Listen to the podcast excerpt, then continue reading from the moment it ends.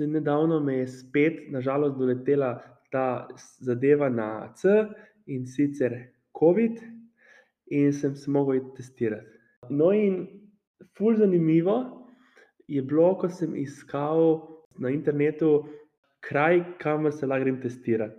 Nekateri so imeli najlepše spletne strani, ampak se nisem odločil za njih. V nadaljevanju povem, zakaj. Lep pozdrav, moje ime je Aleš Kek, ti pa poslušaš podcast Marketinške skrivnosti, v katerem govorimo o tem, kako tvoj produkt ali storitev maksimalno profitabilno oglaševati na spletu, ne glede na to, v kateri panogi posluješ. Če ti bo vsebina všeč, te vabim, da se subskrbiš. Zdaj, kaj je poanta te cele zgodbe? Poanta te cele zgodbe je, da ni vedno važen dizajn. Oziroma, v tem našem copywriting svetu ali pa direct response svetu, nekako tako vemo, oziroma smo nekako naučeni, da um, grd landing page po vsej verjetnosti zna premagati uh, lepšega. Torej, nekega dizajno, dizajnersko uh, dovršenega.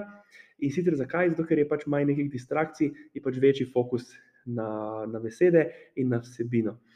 Ampak, to ne pomeni, da pač mora biti spet, spletna stran grda, to pač pomeni, da, da ne rabi biti uh, najlepša na svetu. Ker dosti bolj pomembno od tega, kako spletna stran zgleda, je to, kaj na njej piše. In v eni, v eni od prejšnjih epizod sem govoril o tem, ne vem, sem govoril o tem, koliko je važen naslov, pol sekcija pod naslovom in to. Omenil pa sem še eno drugo stvar. Takrat sem mogoče pozabil povedati, da je ful bolj pomembna kot naslov. In to je, to je offer. Ker če je offer full dober, potem je lahko tudi spletna stran grša, pa je lahko tudi headline slabši, pa bo dejansko cela spletna stran ali pa prodajna stran, rečemo, še vedno konvertirala. Kaj je bil tukaj v tem primeru hitrih testov uh, offer? Ja, večina teh te, uh, krajev, ki pač nudijo testiranja, so imeli lepe spletne strani, nove spletne strani. Ampak, kaj ko so bili, recimo, odprti samo do treh uh, popoldan, ali pa so delali samo od sedmih do desetih, ali pa so bili čez vikend zaprti, ali pa um, kaj so še imeli, da se moraš naročiti.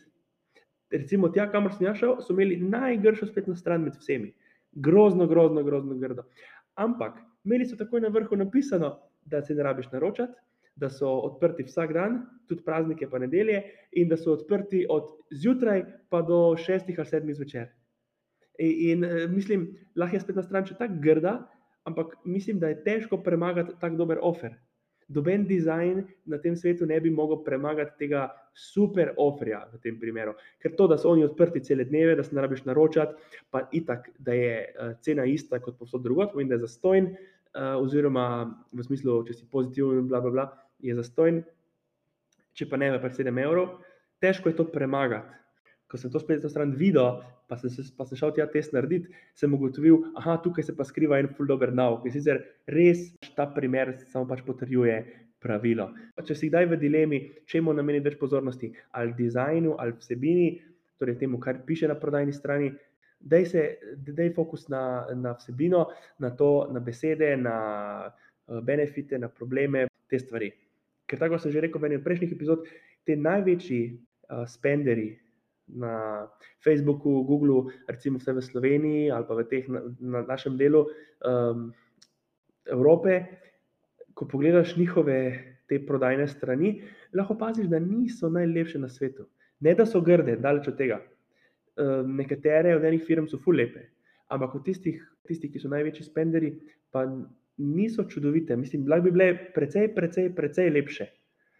Ampak pač niso, ker ne rabijo biti, ker ne bi bilo toliko dodane vrednosti, ne bi bilo toliko više konverzije zaradi tega, če bi bil dizajn um, desetkrat dražji. Da, ja, to je imel v mislih in uh, to je to za, epizo za to epizodo. Kratka epizoda, ampak jedrnata. Če ti je bila vsebina všeč, te vabim, da se subskrbiš, drugače pa te vabim k poslušanju naslednje epizode. Čau, lepo se mej.